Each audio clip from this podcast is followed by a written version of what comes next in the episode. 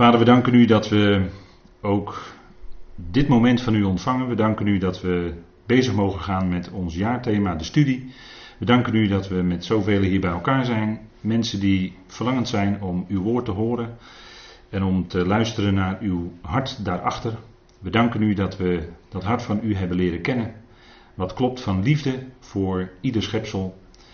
En ook voor ons zo heel persoonlijk zoals we hier zitten. We zijn helemaal opgenomen in de ruimte van uw liefde en uw genade. En dat is ook het kader waarin we altijd bij elkaar komen.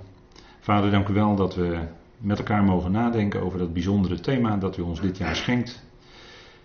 Waarin, zoals gebruikelijk, u zelf centraal staat, Vader, en dat wat uw zoon heeft gedaan en wie hij is. Vader, we danken u dat we daarover mogen nadenken met elkaar. Geeft u daarin wijsheid, leiding door uw geest. In het spreken, in het luisteren. Mogen we een horend hart hebben. En Vader, geef dat gedachten die misschien ons dwars zitten, dat we die opzij kunnen zetten. En ontvankelijk zijn voor uw woord. Vader, daar gaat het om. We danken u dat we daardoor opgebouwd willen worden. We danken u dat u hier aanwezig bent, dat u vele handen geeft die het mogelijk maken dat dit hier zo kan gebeuren, Vader. We danken u dat we zo op mogen zien naar u, ons afhankelijk weten van u. Vader, wilt u het geven? We u daarvoor in die machtige naam van uw geliefde Zoon, onze Heer Christus Jezus. Amen. Goed, ons uh, jaarthema, en u ziet het ook hier afgebeeld op de presentatie, want één is God en één is middelaar van God en mensen, de mens Christus Jezus, die zichzelf geeft, een vervangend losgeld voor allen. En daar hebben we gisteren al met elkaar natuurlijk bij stilgestaan. Het feit dat het echt gaat om allen, dus alle mensen, wordt alleen nog maar versterkt hier in 1, Timotheus 2 vanuit het tekstverband, vanuit de context. Hè. Daar gaat het over gebed voor alle mensen. En dat is wat we steeds aan herinnerd worden. En ik denk ook dat het nodig is dat we daaraan herinnerd worden. Dat gebed te doen voor alle mensen en voor koningen en die in hoogheid zijn. Voorbeden, gebeden, smekingen, maar ook dankzegging. En waarom kunnen wij danken? Omdat we weten dat God met alle mensen tot zijn doel komt. Hoe ze zich ook nu gedragen, en dat is soms verschrikkelijk. Maar het gaat voor een groot deel, dat weet u, via de grote witte troon. Dat geldt niet voor ons, maar dat geldt wel voor de meerderheid van de mensheid. Gaat het via de grote witte troon, waar alle werken van de mensen aan de orde zullen komen. En daar zal Jezus Christus zitten op die grote witte troon. En die zal richten. En uiteindelijk zal hij ook blijken niet alleen richter, maar ook redder te zijn. Dat is wat als mensen hun ogen gesloten hebben en ze doen ze weer open na de periode van onbewust zijn in de dood, dan worden ze geconfronteerd met hun Heer, met hun Redder. Die zien ze dan. En die gaat hun werken beoordelen en dan gaat het via de tweede dood naar leven.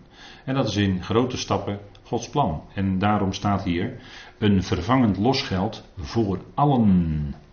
Dat is dus zonder uitzondering Ieder mens die ooit geleefd heeft.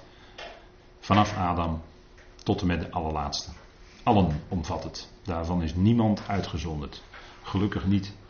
En dat is uh, de wereldwijde liefde van God. Die dan zo in dit jaarthema zo prachtig naar voren komt. Hè?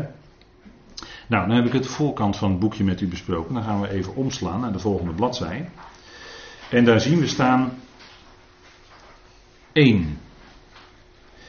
En dat is wat natuurlijk nadrukkelijk in het jaarthema naar voren komt. Dat er is één God. En dat is ook één middelaar. En dat is die eenheid, hè? dat is de eenheid van God. En er is ook één God, de Vader, uit wie alles is. Dat is de bron. En dat hebben we gisteren ook, kwam dat naar voren in het spreken. Die ene God, dat is de beleidenis van Israël, daar zullen we ook vanmorgen, als het goed is, bij uitkomen. De beleidenis van Israël, maar dat laat ik dan voor nu even liggen. En u ziet op de, na de omslag, ziet u dus dat één het cijfer 1 en in, aan de linkerkant van het cijfer 1 ziet u in uw boekje het woord echat. Dat is het Hebreeuwse woord echat, dat betekent één. En aan de rechterkant ziet u het Griekse woord voor één, dat is ijs. En dat is ook wat nadrukkelijk, bijvoorbeeld als het gaat om ehm, de vraag die aan de Heer Jezus gesteld werd. Wat is het grootste mitzwot, of de grote mitzwa, grootste mitzwa uit de schrift?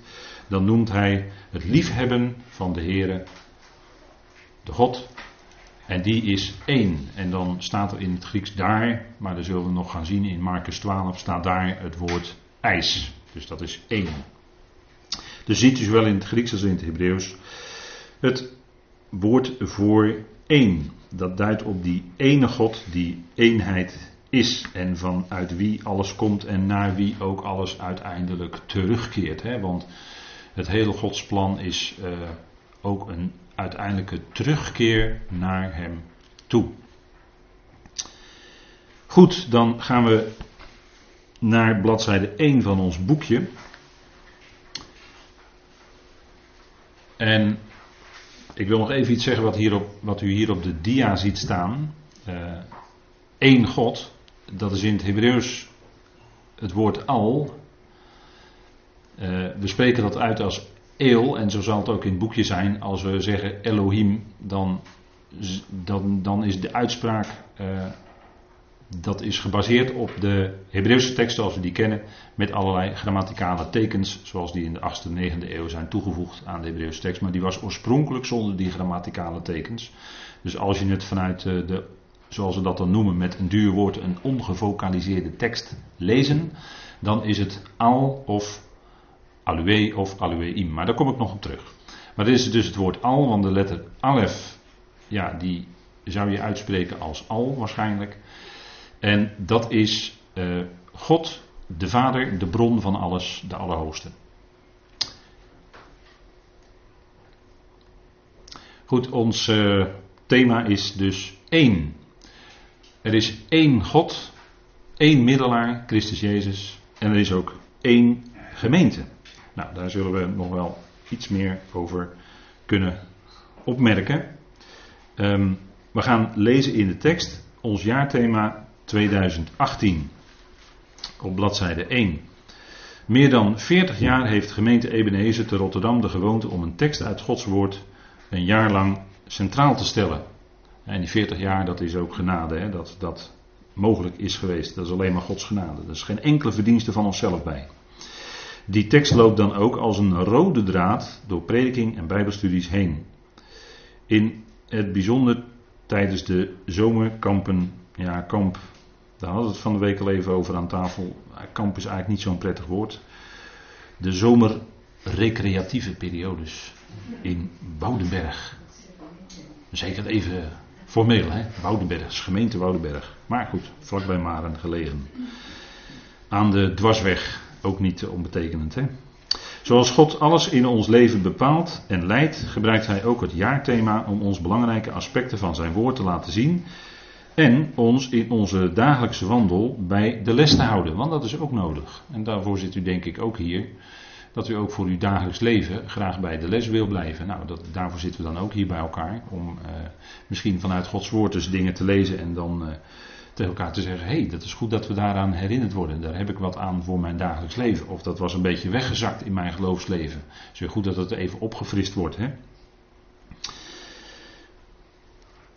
Voor 2018 is het thema ontleend aan 1 Timotheus 2, vers 5 en 6. Zowel inhoud als bedoeling van het jaarthema is kernachtig samengevat in de titel van dit studiemateriaal. 1. Er is één God, want waar in deze wereld gezult wordt met vele afgoden, vele afgoden zijn er, hè, dat is uh, wat Paulus ook zegt, er zijn goden en heren uh, in menigte, zegt hij in 1 Korinthe 8, maar voor ons is er maar één God. Maar als je een definitie wil hebben van een afgod, dan zegt u ja, dat is een, eh, zo'n, zo, die beelden, die zie je steeds meer overal in tuinen en in keukens en in, in tuincentra. En je struikelt erover, al die beelden. Hè. Er zit zo'n dik mannetje, ik weet niet precies hoe die heet, maar uh, die zit daar een beetje te zitten. En er zit geen beweging in. Dat is nou precies de afgoden zoals die in de Bijbel geschilderd worden. Dus eigenlijk wel een beetje humoristisch. Ik haal dat wel eens vaker aan in Bijbelstudies. Zoals de Bijbel erover spreekt, is eigenlijk een beetje humor. Want um, kijk, er is één God. En de afgoden die mensen maken, um, dat dat gebeurde natuurlijk in, uh, in de oudheid. En uh, Israël ging er ook achteraan. Hè. Ze overtraden daarmee het eerste gebod. Hè. Dus u zult alleen de Heer uw God dienen en geen andere goden voor mijn aangezicht hebben. Gij zult u geen gesneden beeld maken. Waarom staat dat in de wet? Gij zult u geen gesneden beeld maken. Waarom staat dat in de wet? Omdat God uh, niet zichtbaar is zo. Omdat God niet zichtbaar is? Wie weet er nog een ander antwoord? Gij zult u geen gesneden beeld maken. Je maakt je eigen God. Je maakt je eigen God, inderdaad. Ja? Wie, wie heeft nog meer iets daarover? Het beeld was er al. Het beeld was er al. Christus is het beeld van de onzichtbare God. En in hem is alles geschapen. Dus het beeld was er al. En daarom was het strikt verboden om daarna nog gesneden beelden te maken. Zijn zoon, dat is zijn beeld. En die was er al. En daarom staat dat in de wet. En kijk, dat is het punt waarom God daar zo strikt in is. Dat zijn volk geen andere goden. En natuurlijk hebben zij dat Nee, ja, ik zeg natuurlijk omdat ze vleeselijk waren en ze dus zich niet aan die wet konden houden. En ze liepen dus andere goden achteraan. Ze maakten zichzelf andere goden. En dat is wat wij bijvoorbeeld lezen in Psalm 115. Want er is wat afgezult hoor met afgoden. U kent ze wel, zoals in de geschiedenis van Israël naar voren komen de Baals en de Astartes en eh, noem alles maar op. Hè, de hoogten, de gewijde palen enzovoort. Hè. En bij gelegenheid, als er een goede koning was, er werd er weer een heel zaakje afgebroken, omgehakt. Dat is het beste wat je ermee kan doen, denk ik dan en in het vuur gooien. Nou, Psalm 115 zegt er ook iets over. En laten we het even met elkaar opzoeken. Over afgoden. En dat is een eh, hele mooie psalm. Dat komt uit het Halleel. En misschien weet u niet wat het Halleel is, maar dat is Psalm 113 tot en met Psalm 118. En bij de drie grote feesten, als men moest optrekken naar Jeruzalem, hè, dat moest drie keer per jaar, dan, moet, dan werd ook dat Hallel opgezegd of gezongen. en dat in de Shul doet dan de Gazan, die doet dat, de voorzanger. En uh, Psalm 113 tot en met 118 is dan het Hallel. Dan had je ook het Groot Halleel. Dat is uh, Psalm 135 en Psalm 136. En volgens de Talmud zou daar ook nog bij horen vanaf Psalm 120. Dus het Groot Halleel volgens de Talmud is Psalm 120 tot en met Psalm 136 voor wat het waard is, deze opmerking. En dan heb je nog het dagelijks Halleel. En dat is Psalm 145 tot en met Psalm 150. En dat is heel simpel. Hè, u kunt uh, zelf uw weg vinden op uh, internet. Wikipedia kunt u dit gewoon zo terugvinden. Uh, even intypen Halleel en u krijgt keurig wat het is. En dan heeft u even een stukje kennis. Psalm 115 staat dus in dat Halleel. En er staat: Hun afgoden zijn zilver en goud. Wacht even, begin even in vers 1. Niet ons, heren, niet ons, maar geef uw naam eer. En dat is denk ik ook ons motto, hè. Om uw goede tierenheid, hè, dat is dat prachtige begrip geset in het Hebreeuws. Die goedgunstigheid van God, hè. Dat is wat in Torah zo vaak naar voren komt. Daar wordt hij genoemd degene die barmhartig is, die goedgunstig is, die genadig is. Daar wordt steeds over God gezegd, hè. Om uw trouw. Hij is trouw. En in trouw zit ook iets dat vast is. Als iemand trouw is, dan kun je op iemand rekenen. Dat is vast. En dat is ook als je iets doet in de gemeente, of je hebt een, uh, ja, iets, iets doet wat, wat steeds terugkomt, dan is het natuurlijk zaak dat je daarin trouw bent. En als God je in een stukje dienstwerk heeft gezet, dan is het zaak dat je daarin trouw bent, dat er op je gerekend kan worden. Even een simpel voorbeeld. Stel dat je zondagsmorgens ergens een samenkomst houdt. En er is één iemand die, uh, gaat in, die uh, moet in de winter op tijd de kachel aanzetten. Nou, stel je voor dat diegene niet trouw is.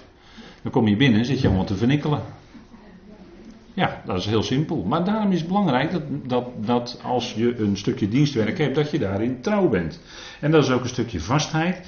En dat heeft ook te maken met waarheid, want de woorden geloof, trouw en waarheid in het Hebreeuws liggen heel dicht tegen elkaar aan. Het, het Hebreeuwse woord voor geloof is amen en het woord voor waarheid is emet. Nou, dan, dan hoor je al dat het, dat dicht tegen elkaar aan ligt. Hè. Dat zijn de, bijna dezelfde letters. Uw trouw. Waarom zouden de heidevolken zeggen, waar is toch hun God?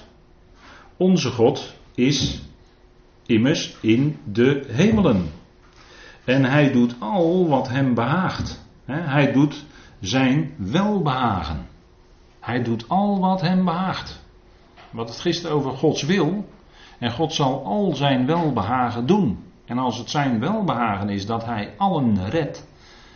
En dat is dus ook zijn wil. Dan zal hij dat doorzetten dat, uh, dat, datzelfde woord behagen staat ook in Jezaja 46 vers 10 bijvoorbeeld. Gapits is dat in het Hebreeuws. het woord welbehagen. Uh, hij doet wat hem behaagt. Uh, Psalm, of Jezaja 46 vers 10 die zegt het ook. Dat God dat ook zal doorzetten. Al wat hij zich heeft voorgenomen, wat hem behaagt, dat zal hij ook doen. En hij heeft ook het vermogen en de wil en de kracht om het door te zetten. dat is God. En dan staat er in tegenstelling tot die ene God die in de hemelen is, hè, onze God, dat is de God van Israël. Hun afgoden zijn zilver en goud, het werk van mensenhanden. Ze hebben een mond, maar spreken niet. Ze hebben ogen, maar zien niet. Wat een enorm contrast hè, met de God van Israël, de God die wij mogen kennen als onze Vader. Die heeft een mond en die spreekt wel degelijk, ja wel degelijk. En die heeft ogen en die ziet wel degelijk, die ziet naar ons om. Dat is uh, Yahweh, Jireh, dat is Yahweh die voorziet. dat, in dat zien zit ook tegelijkertijd het voorzien.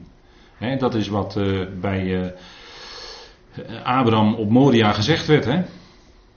Yahweh, Jireh, de Heer zal voorzien. De Heer had al voorzien in, de, in die ram die met zijn horens in het struikgewas zat. Natuurlijk, hij had er al in voorzien. Maar bij wijze van spreken kreeg Abraham daar zijn zoon Isaac uit de doden terug. Want bij wijze van spreken, zegt Hebreeën, heeft hij zijn zoon toen uit de doden teruggekregen. Werd hij opgewekt. Het was eigenlijk een moment van opstanding uit de doden, Moria. Daar verwijst het naar. lees u het maar na, Hebreeën 11, daar staat het. Ze hebben ogen maar zien niet, ze hebben oren maar horen niet, ze hebben een neus maar ruiken niet, hun handen die tasten niet, hun voeten die gaan niet. Dus ze zijn niet, ze hebben geen enkel vermogen. Er komt geen geluid uit hun keel. Het zijn stomme afgoden. Ze kunnen niet spreken. En God die spreekt, dat is, dat is per definitie God. Hij, dat is een God die spreekt. Die zwijgt niet, maar hij spreekt. En de tijd, de afgelopen 2000 jaar, hebben we natuurlijk Gods woord. Maar dat is eigenlijk een hele bijzondere tijd geweest in de geschiedenis, want God heeft geen nieuwe openbaringen gegeven nadat zijn woord gecompleteerd was. Dus men zegt dan, ja, God zwijgt in zekere zin. Dat is ook zo, ja. Voor ons niet. Hij spreekt door zijn woord, maar er komen geen nieuwe onthullingen bij. De Heer is als laatste, als ontijdig geborene, aan Saulus, aan Paulus verschenen. En daarna niet meer hoor. En mensen zeggen wel dat, dat ze een verschijning van Jezus hebben gehad, maar dat is niet Jezus Christus hoor, uit de Bijbel. Dat is een andere Jezus dan, die verschijnt. dat, dat, eh, dat is, dat is, dat, die lijnen kun je zo doortrekken vanuit de Bijbel. Dan heb je antwoord op, op zulke uh, verschijningen en dergelijke. we hebben het hier over afgoden. Nou, demonen doen zich graag, graag voor als grote afgoden. En die willen graag aanbeden worden. En daardoorheen natuurlijk uiteindelijk de tegenwerker. Daar gaat het naartoe.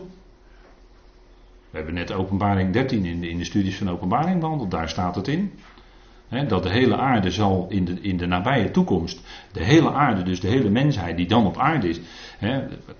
enkele uitzonderingen daar gelaten. Maar de, de hele mensheid zal de tegenwerker gaan aanbidden. Ze zullen de draak aanbidden. in dat beest zullen ze de draak aanbidden. Staat allemaal in openbaring 13. Hè? En, en die wil dat opeisen en het liefst alle aandacht afschuiven van God, van Jezus Christus af, naar andere zaken. En als andere zaken, andere dingen, of hoe je het ook noemen wilt, in uw leven een grotere plaats innemen dan God, dan is dat een afgod geworden. Dat kan ook het geld zijn, hè? de liefde voor zilver. Staat er dan. Hè? De liefde voor zilver, voor geld, is een wortel van alle kwaad, zegt Paulus. En, en dat, dat, dat, is voor veel mensen heel belangrijk. En dat, wordt dan, dat gaat dan, dat, hè, geld kan je hele leven beheersen. Nou, op dat moment is geld of bezit is voor jou een afgod geworden. Materie, materialisme. En dat is de, een van de slimste trucs, denk ik wel eens, van de tegenstander. Dat we, ja, we hebben het zo goed. We hebben het zo goed. We hebben alles zelf hier in Nederland heel goed voor elkaar. We hebben het zo goed. We hebben alle voorzieningen. We kunnen alles oplossen. Enzovoort, enzovoort. We hebben het zo goed. En het lijkt alleen maar af van.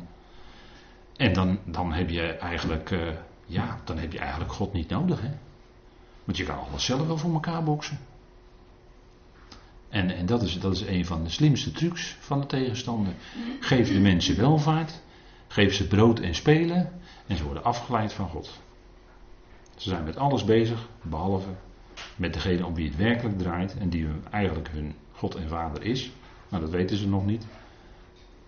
En dan worden ze van afgeleid. Afgod, hè? afgoderij. Alles wat in je leven belangrijker wordt dan God, kun je zetten onder dat kopje afgod. En dat is denk ik voor ons even, voor ons dagelijks leven, om ons bij de les te houden. Daar hadden we het over. Hè? We zouden bij de les blijven. Hè? Dus dan is het denk ik goed om dat weer eens even tegen elkaar te zeggen, denk ik. Nou, afgoden, u kunt het ook lezen in uh, Jezaja 44. Dat is ook heel vermakelijk. Hè? Dat uh, maken ze van hout, maken ze... Uh, ja, dat gebruik je dan voor de, de kachel te stoken, hè, staat er dan in Jezaja 44, hè, een open haard. Maar datzelfde hout maken mensen dan ook afgoden van. Maar je kan het ook gewoon, beter denk ik, kan je het gewoon in de open haard gooien, heb je er nog wat warmte van. Hè, als je het gewoon uit de natuur haalt, heb je het nog gratis ook. Maar moet u maar eens daarnaast leggen, hè, Jezaja 44 vers 9 tot en met 20. Daar, schrijft de profeet ook humoristisch over die afgoden dat is, gewoon helemaal niet, niets. Hè. En sommigen leggen, zetten zo'n zo'n zo'n afgodsbeeld ook nog aan de kettingsteven voordat hij wegloopt. uh, wat lazen we hier ook weer? Ze hebben voeten, maar gaan niet. Oh nee, ze hebben voeten, maar ze gaan niet. Nee, nee, ze kunnen niet. Nee. God die wandelt wel. God wandelt door de wereldgeschiedenis. Hij bepaalt de wereldgeschiedenis. En hij wandelt met u in uw leven. En u wandelt met God in uw leven zoals Abraham ging met God, dat was een geloofszaak. Hij zag God niet, maar hij hoorde hem wel en hij ging. En dat doen wij ook. Wij zien God niet, maar we horen hem wel en we gaan. En daarom zitten we hier. Het is eigenlijk heel wonderlijk dat wij hier zitten, want we hebben God nooit gezien, dat kan ook niet. Maar we hebben Jezus Christus ook niet gezien. gelukkig degene die niet zien en toch geloven, zei hij. En we hebben hem niet gezien, we hebben hem nooit gezien, we hebben hem nooit lijfelijk ontmoet. En toch zitten we hier allemaal dankzij hem. Dat is eigenlijk heel wonderlijk hè, als je daar zo over nadenkt. Dat kwam omdat hij vervangend losgeld is voor allen. Dus ook voor u en mij. Wij konden zelf die prijs niet betalen dus. Hè. Onze dood zou onvoldoende zijn. Zelfs de dood van de hele mensheid zou onvoldoende zijn. Om het recht te zetten. Daarvoor moest hij komen als een vervangend losgeld. Hè, als een in plaats van losgeld. Ten behoeve van of voor. Hè, er staat in het Grieks aan het woord hyper. Dat betekent voor of ten behoeve van allen. En dat impliceert, dat houdt in dat allen zelf gezamenlijk niet dat konden doen om de zaken voor God recht te zetten. Dat kon niet. En daarvoor moest hij komen als de zondeloze, die zelf tot zonde slash zondoffer gemaakt werd. En dat voor de hele mensheid. En daarmee is de zonde weggedaan. En daarmee is ook die doorbraak gekomen naar de nieuwe schepping. Hij was de eersteling die uit het graf opgewekt werd om niet meer te sterven. De eersteling van de nieuwe schepping. En wij hebben daar ook deel aan. In Christus hebben wij ook deel aan een nieuwe schepping. Zijn, wij dat zelfs? Zo ziet God ons zelfs. Dat is eigenlijk ook heel wonderlijk. We lopen in, die, in ons oude lichaam rond en eh, hoe ouder we worden, hoe, eh, hoe meer het gaat kraken en piepen. En je bent blij als het eh, een dag niet, kraakt en piept, dan kun je nog wel doen. Maar naarmate je ouder wordt, ja, dan gaat dat steeds sterker spelen. En je, als je een blessure hebt, herstel je steeds minder snel en dat soort dingen. Daar merk je het aan. Het gaat allemaal niet meer zo vlot. Dus we, zitten, we hebben te maken met dat oude lichaam, dat wordt afgebroken. Hè. De aardse tent, uh, die wordt afgebroken. Hè. Daar, had Anders het de eerste avondsluiting over. Hè. Die, die aardse tent, die, die tent wordt afgebroken, dat is allemaal tijdelijk. Maar wat definitief is, is dat gebouw uit God in de hemelen. En dat is een fantastisch woord. 2 Korinthe 5. Dat is onze toekomst. En dat gaat God ons geven. En daaraan is het goed om ook tegen elkaar te zeggen: kijk, als we dat kraken en piepen op sommige dagen heel erg merken, dan is het goed om je daaraan te herinneren. Wat wij krijgen is dat gebouw uit God, dat veranderde, dat vernieuwde, dat verheerlijkte lichaam, wat zelfs gelijkvormig zal zijn aan zijn heerlijkheidslichaam, zijn met de hoofdletter. Zegt Filippenzen allemaal, hè?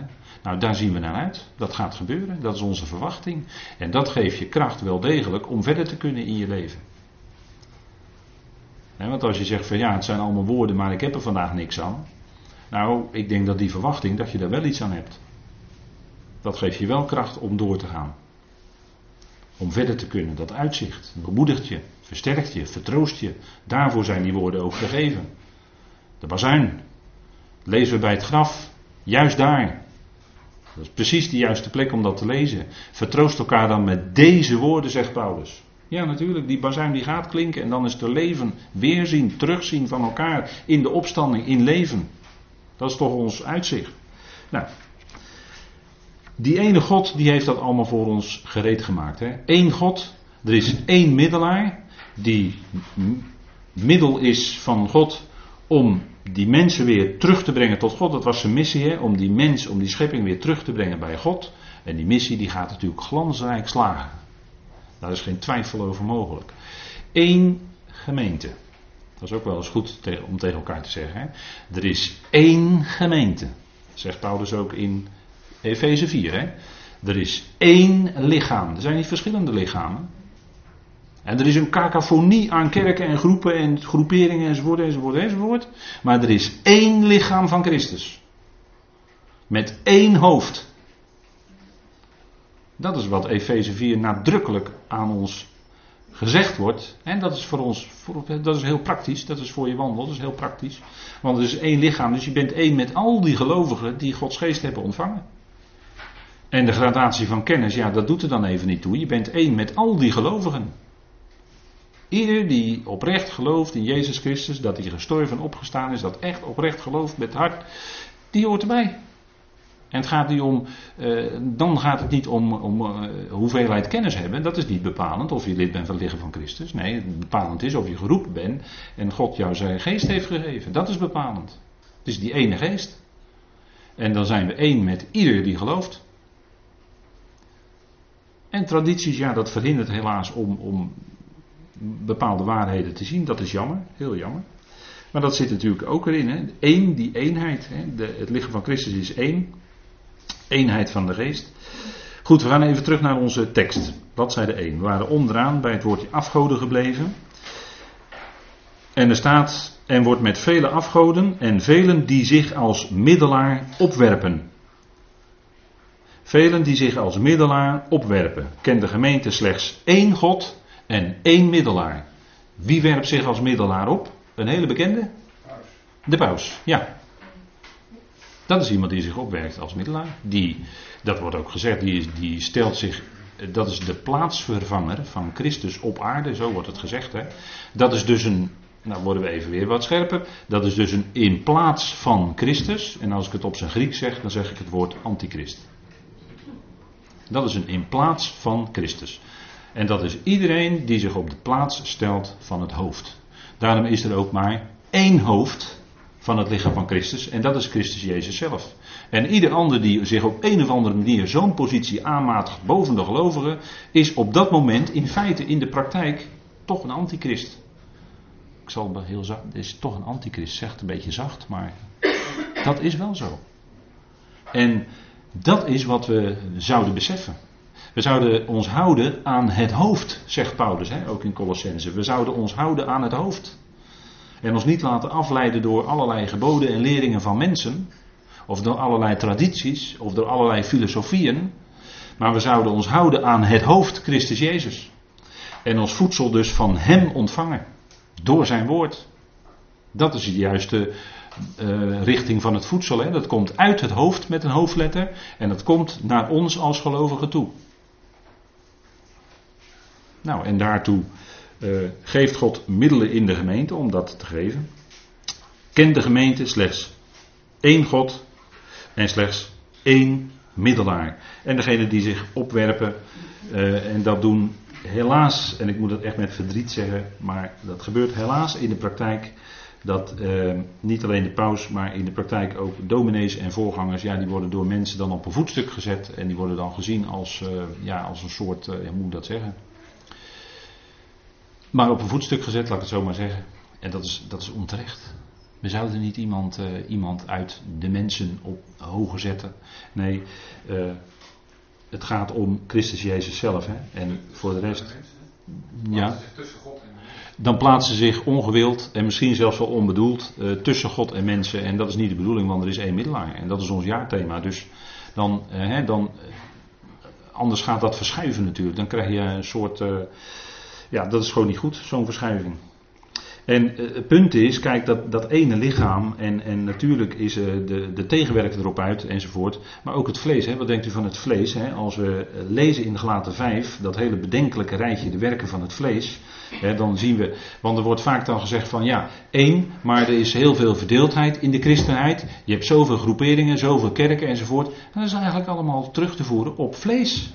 Want wat zijn de werken van het vlees? De werken van het vlees zijn vijandschappen, twist ijveren, gramschappen, partijschappen, oneenigheden en secten.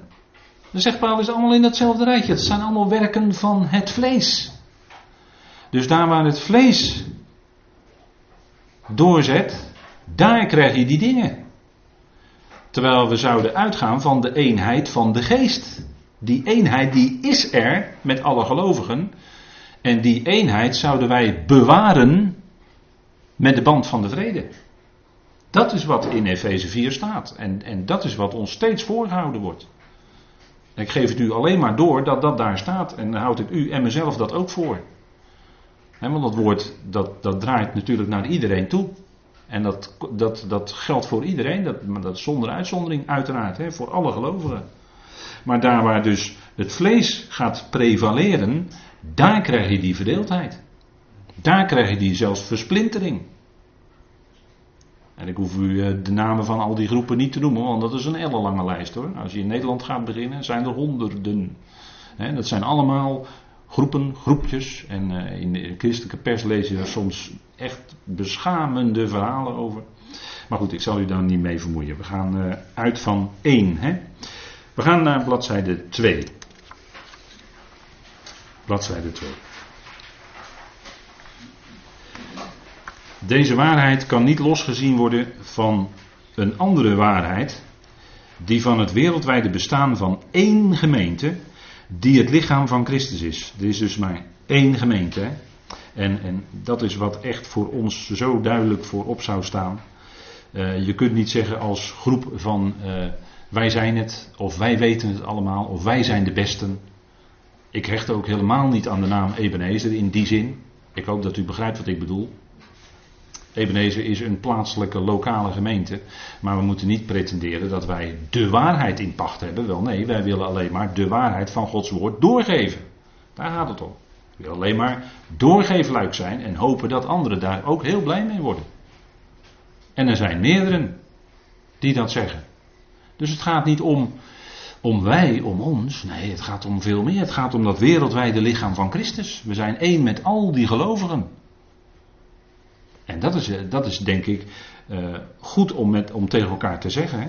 Het wereldwijde bestaan van één gemeente die het lichaam van Christus is. De leden daarvan zijn in hem die het hoofd is, samen verbonden en verenigd. De consequentie daarvan heeft Paulus in Efeze 4, vers 15 en 16 vermeld. Dat is groei naar hem toe. Efeze 4, laten we even met elkaar opzoeken. Misschien heeft u uh, boekje Concordante Vertaling heeft u in uw bezit en zo niet ze worden zeer binnenkort bijgedrukt, dus dan kunt u weer exemplaren aanschaffen en uitdelen.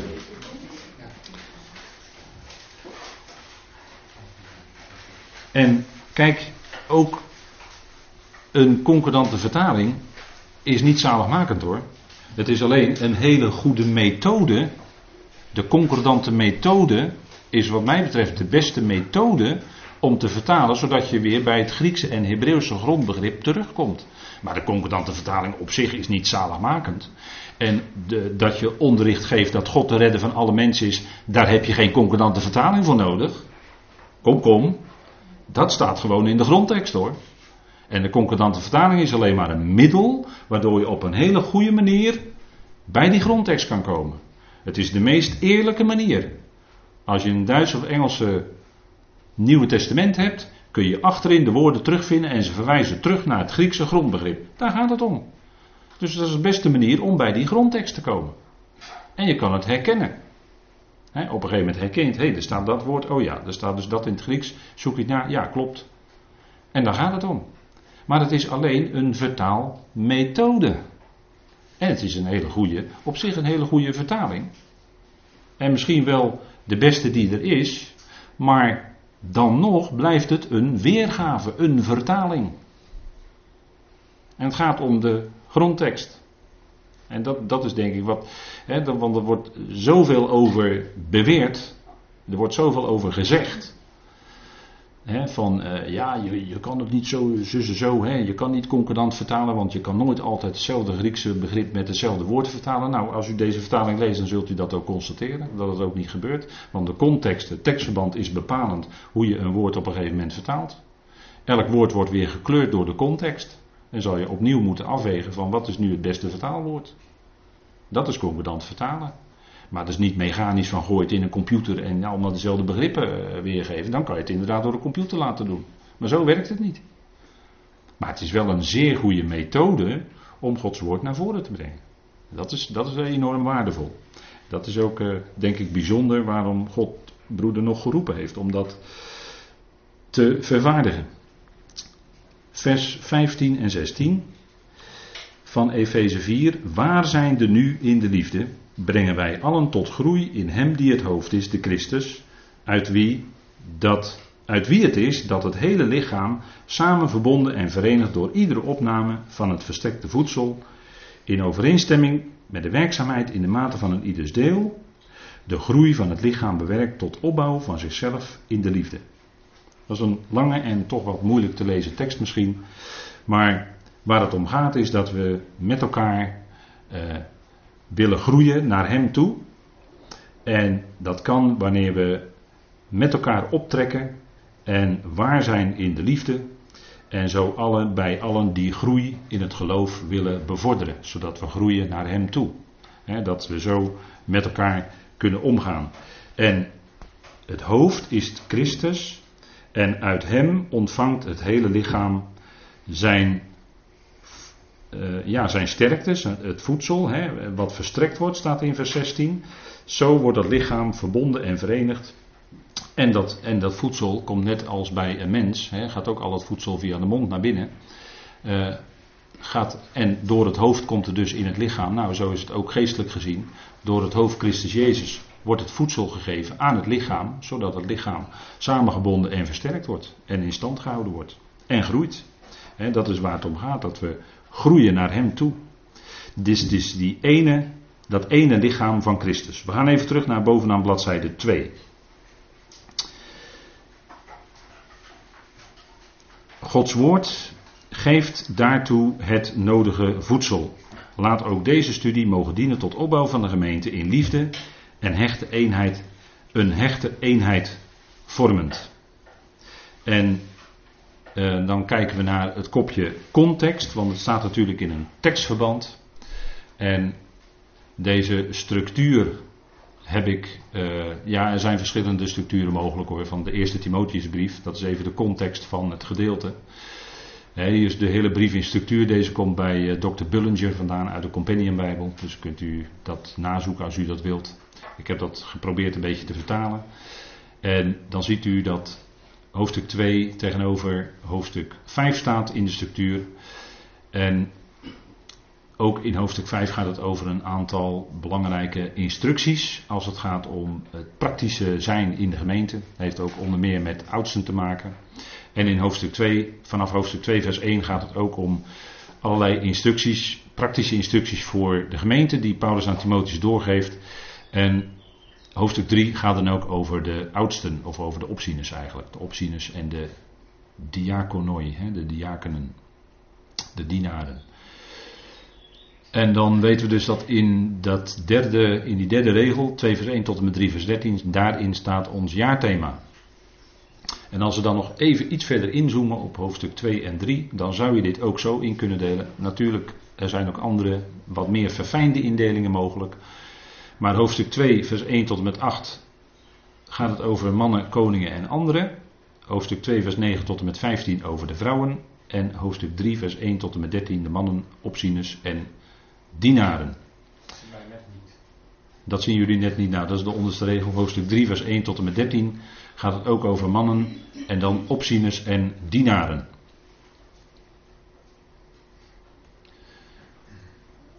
En dan nog meer ingezoomd op de context, zoals dat zo mooi heet.